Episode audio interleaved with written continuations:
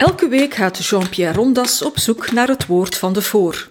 Hij analyseert het woordgebruik van journalisten, politici en opiniemakers, wikt en weegt hun woorden en ontmaskert bedrog. Broeders en zusters, morgen is het Pinksteren en daarom spreek ik vandaag tot u een woord van de Sinksen voor. Want u wilt toch ook weten wat het verband is tussen het Sinksen of Pinksterwonder enerzijds en de multiculturele problemen in uw wijk anderzijds. Heeft wokeness trouwens uw buurt al bereikt?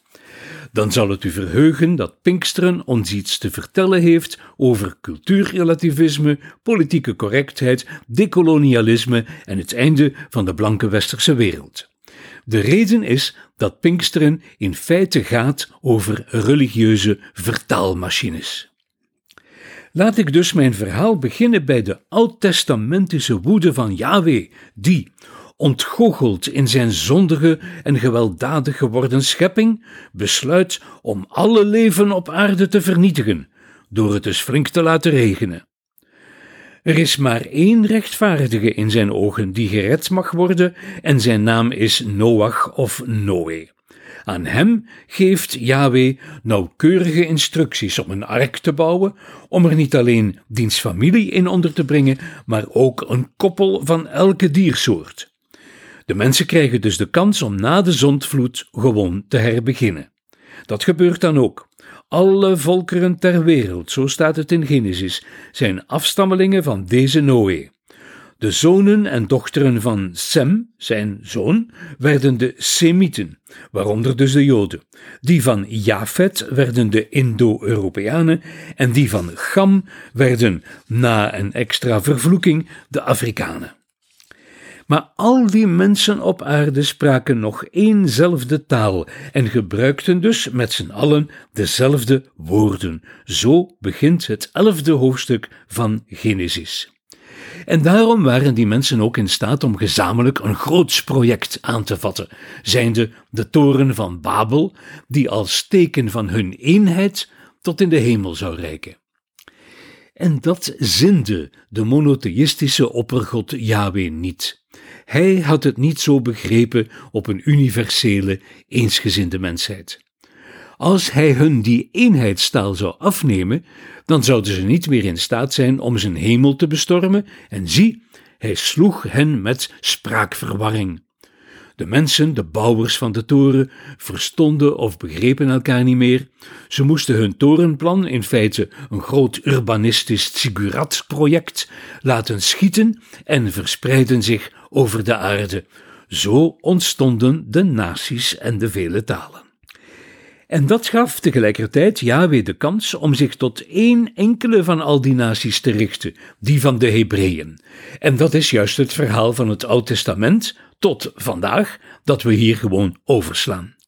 Want het christendom, het Nieuwe Testament, heeft aan de besneden Hebreeën of Israëlieten of Joden niet genoeg. Het richt zich ook tot de onbesneden heidenen.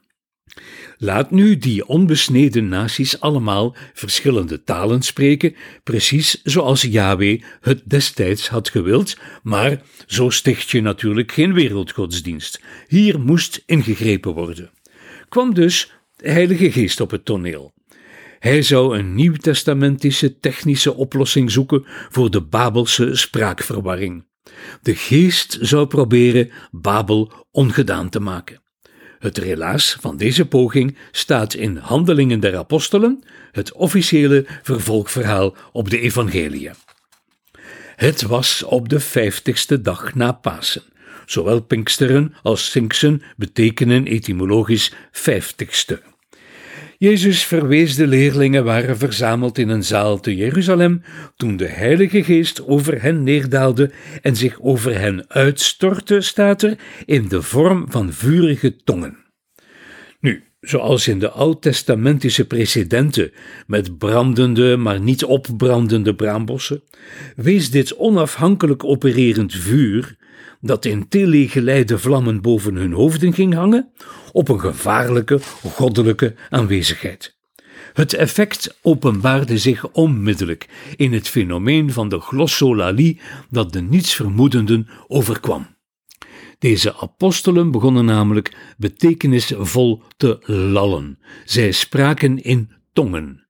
Zij zelf verkeerden in de mening dat ze Aramees of Galileïs bleven praten, zoals altijd en zoals ze niet anders konden, maar in de toegestroomde menigte verstonden de mensen hen elk in hun eigen taal. Het verslag in de Handelingen der Apostelen is duidelijk, citaat, allen waren buiten zichzelf van verbazing en zeiden, zijn allen die daar spreken geen Galileërs?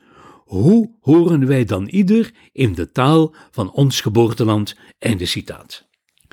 Deze verbaasden waren blijkbaar geëmigreerde Joden met een dubbele nationaliteit, die tijdens de lente op vakantie waren in hun land van herkomst, Israël, een heel normale zaak in het veelvolkeren-imperium die het Romeinse Rijk was. Deze Joden uit de diaspora spraken al generaties geen Hebreeuws of Aramees meer. Zij waren afkomstig uit gebieden die min of meer in het huidige Turkije te situeren zijn: Cappadocië, Pontus, Azië, Frigië, Pamphylië, maar ook uit Egypte, Libië en het huidige Irak, Mesopotamië. Om nog eens goed de diversiteit van deze talen te benadrukken, herhaalt de reportage expliciet samenvattend allen. Dat wil zeggen, zowel Joden als proselieten, Joodse bekeerlingen, zowel Cretensers als Arabieren, staat er in de tekst. Het is maar een detail, maar die Cretensers staan waarschijnlijk voor eilandbewoners in het algemeen en die Arabieren voor vastelanders in het algemeen. Echt iedereen dus. Allemaal verstonden ze de glosso-lallende apostelen in hun eigen taal, het Parts, het Meets, het Cappadocisch en het Cretensisch en zoveel andere talen. Dat was dus het Pinksterwonder. Maar de vraag is hoe het nu eigenlijk in zijn werk ging. Waar moet dat mirakel gesitueerd worden? Ofwel bij de sprekers, de apostelen, de predikers dus, de Galileërs, ofwel bij de toehoorders, de cosmopolieten op verplaatsing die eens kwamen luisteren. Bij de zenders of bij de ontvangers. Enerzijds pleit veel ervoor dat het wonder de apostelen zelf overkwam, de zenders dus. Zij kregen de vurige tongen boven hun hoofd, zij gingen ook in tongen spreken, een woord voor talen, ook in het Engels, tongues en in het Duits in zongen.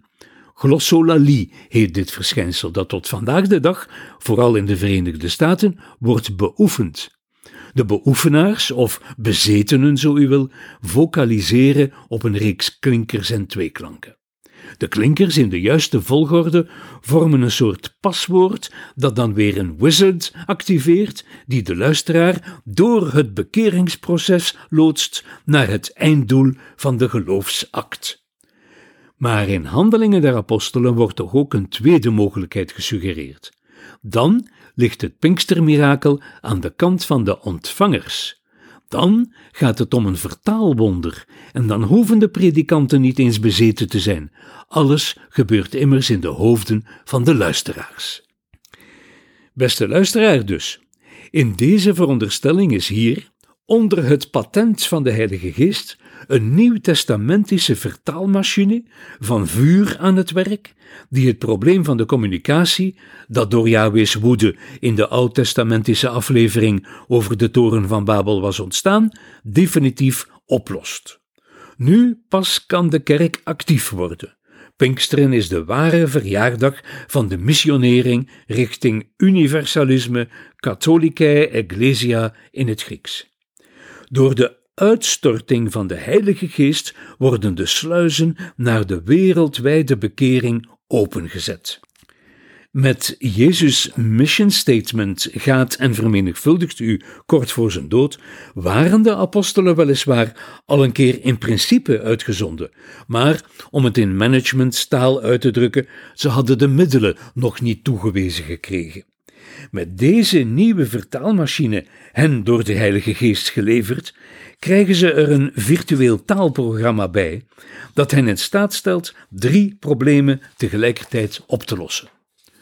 Ten eerste, de nieuwe vertaalmachine vermijdt langdurige en kostbare taalverwervingsprogramma's, het probleem van de Amerikaanse mormoonse zendeling in Europa, zeg maar.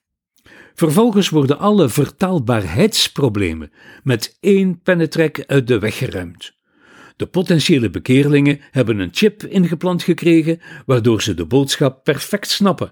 En de katholieke en protestantse missionering in de 19e eeuw heeft aangetoond dat het snel kan gaan. Maar ten derde, en veel belangrijker nog, is dat het probleem van het cultuurrelativisme een heldere oplossing krijgt. De toehoorder aan wie het Pinksterwonder zich tenslotte voltrekt, krijgt weliswaar het verhaal in zijn eigen taal te horen, maar hij krijgt er bovenop ook gratis in een soort pakketaanbieding zijn eigen interpretatie vanuit zijn eigen cultuur bijgeleverd. Zijn cultuur wordt intact gelaten, meer zelfs, de onveranderde christelijke boodschap vertaalt zich in termen van zijn cultuur. Zodanig dat de agnostische Griek, alsmede de Part, de Cappadociër en de Cretenser, het verhaal van de geëxecuteerde Jood Jezus elk op zijn eigen Griekse of Cappadocische of Cretensische manier gaat begrijpen. De verstaanbaarheid, de vertaalbaarheid en de overdracht zijn totaal. Geen cultuur staat nog de universaliteit in de weg. Universaliteit tast de culturen niet aan. Culturen worden zelfs dragers van het wezenlijke van de boodschap die immers overal identiek is. Op tweede Pinksterdag laten, als effect van het uitstortingsfenomeen, 3000 van die luisteraars zich vanuit hun cultuur dopen naar een wereldgodsdienst. Dat staat in Handelingen der Apostelen. Ze laten zich niet deculturaliseren, ze blijven wie ze zijn. Dat werd het programma van de echte stichter van het christendom Paulus, die er absoluut de onbesnedenen bij wou hebben. Beste luisteraar, het verschil met het huidige cultuurrelativisme is eclatant. Neem nu het geval van Amanda Gorman, die tijdens Joe Bidens inauguratie een tekst voorleest. The Hill We Climb heet die tekst. Een zwarte jonge vrouw met Afrikaanse roots die teruggaan tot Kunta Kinte, spreekt een bezwerende, lichtjes lallende tekst in de taal van de witte kolonisator in het land waarnaar haar voorouders als slaven werden versleept. Aan interpretatoren en vertalers geen gebrek. Een twaalfjarige kan dit vertalen, maar een groep bezetenen beweert dat Amanda's simpele gedicht niet kan vertaald worden door wie er anders uitziet dan de schrijfster, of door wie het leed van haar voorouders niet terugblikkend heeft doorgemaakt. En deze groep bezetenen, beste luisteraar, speelt het klaar om de wereld te doen aanvaarden dat Amanda's rozenwatertekstje ook niet mag vertaald worden door wie volgens hen ongeschikt is.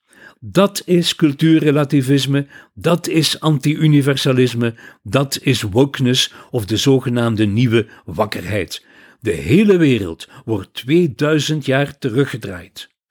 Mogen de drievoudige toren van Yahweh, Noé en Paulus op hen nederdalen. Dit was een episode van Doorbraak Radio, de podcast van doorbraak.be. Volg onze podcast op doorbraak.be/slash radio of via Apple Podcasts, Overcast of Spotify. Bezoek ook onze website op doorbraak.be en steun ons door een vriend te worden van Doorbraak.